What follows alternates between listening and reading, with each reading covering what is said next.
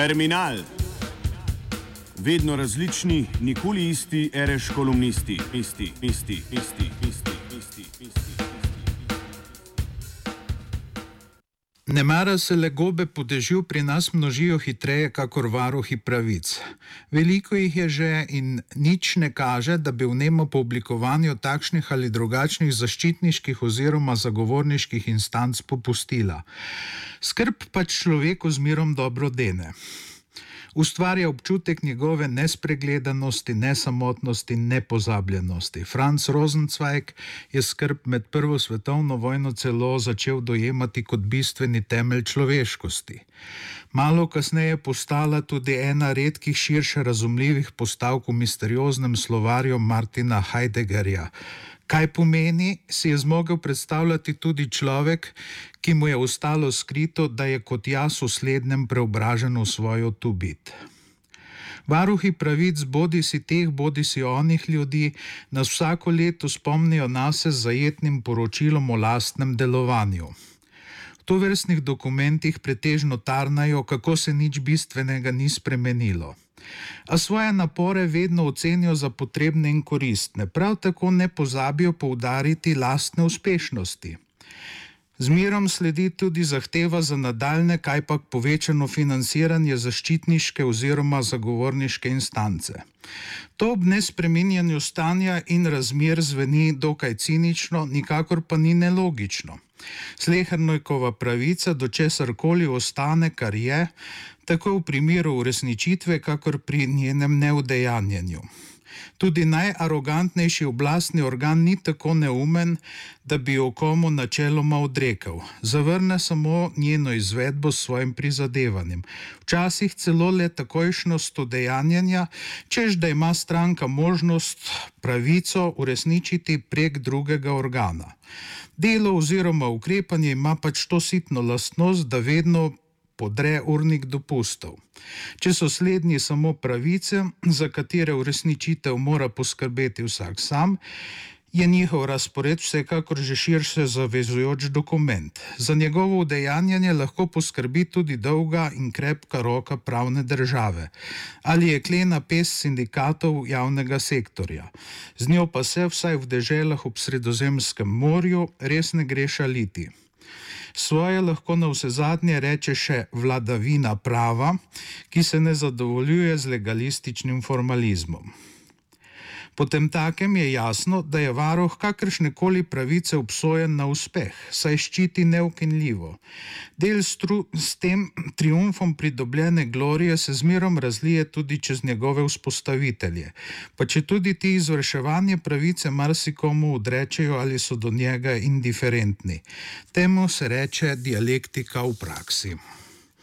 Uresničenje pravice je odnegdaj stvar tistega, ki se sklicuje na njo. Dolžnosti, da bi mu moral pri tem kdo pomagati, ni. V dobi pravic. Dobro stoletje in pol po izidu dan danes nelagodje vzbojojoče knjižice Giuseppe Amazzinija del doveri del uomo, pravice oziroma dolžnosti človeka, še posebej ne. Zakoni in drugi pravni akti govorijo kvečemu o tem, da stranke ni dovoljeno zavajati ali opustiti neinformirane. Celo uresničevanje pravice do sojanja v razumnem roku, ki je razmeroma hitro, vendar vse prej kot zanemarljivimi stroški celo istožljivo, je prepuščeno tistemu, ki mu je krateno. Vendar v tem primeru ne gre za vsebinsko odločitev. Največ, na kar lahko človek računa, je odškodnina. Ta pa še zdaleč ne pomeni uresničitve pravice, temveč zgolj poravnavo, zato ker ni bila izvršena. Gre le za upomin za to, da obstaja in da je nekaj, ne čisto nič, tudi kadar je ni.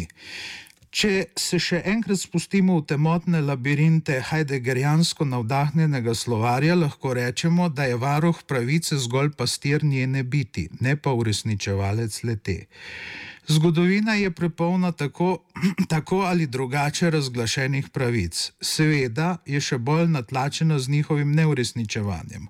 Avstro-Ogrska, ki je bila nemara edina prenormirana državna skupnost svojega časa, Franz Kafka si je roman Proces zamislil tudi kot satirično upodobitev njene birokratske stvarnosti, ne samo kot pripoved o negotovi posamičniški eksistenci ob soočenju vsem, kar je mogoče poimenovati delovati kot sistem, je v svoji zahodni polovici vsem ljudskim rodovom priznavala enakopravnost in kakor pravi dokument, nedotakljivo pravico do varovanja in negovanja svoje narodnosti.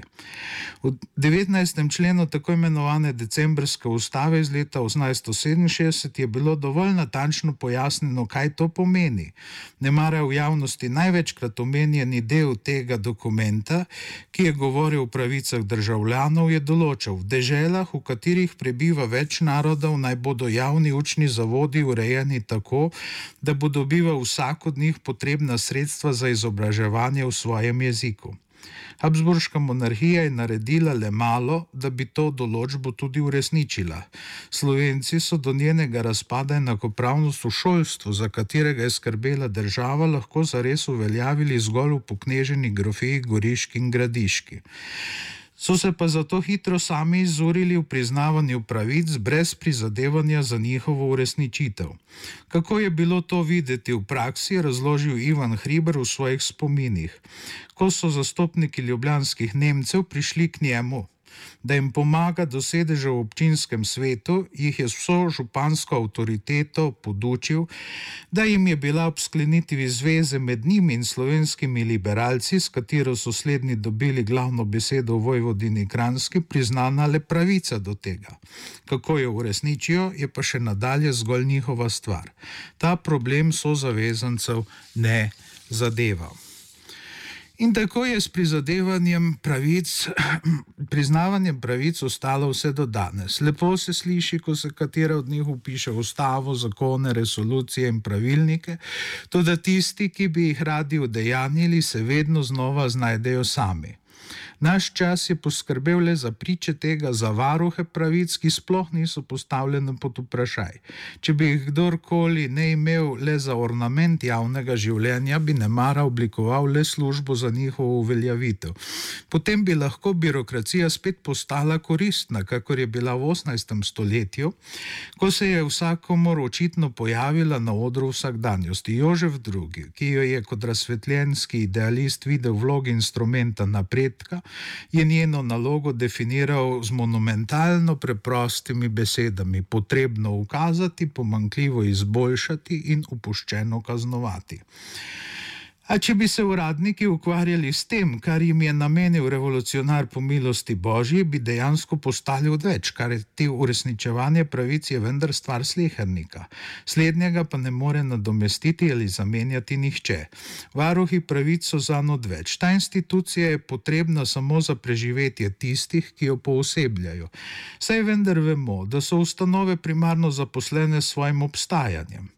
Italijani so tako šele pred kakimi 40 leti razpustili urada za kolonije, ki jih niso imeli več od druge svetovne vojne in za pomoč beguncem iz jeseni 1918 razpadle Avstro-Ogrske.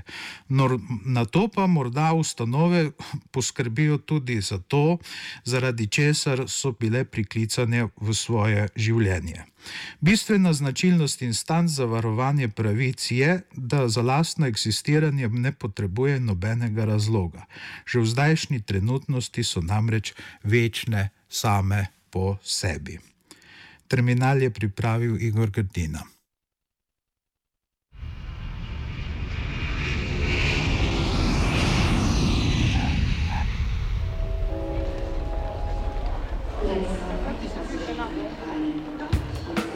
Terminal. Vedno različni, nikoli isti, reš kolumnisti, isti, isti, isti, isti.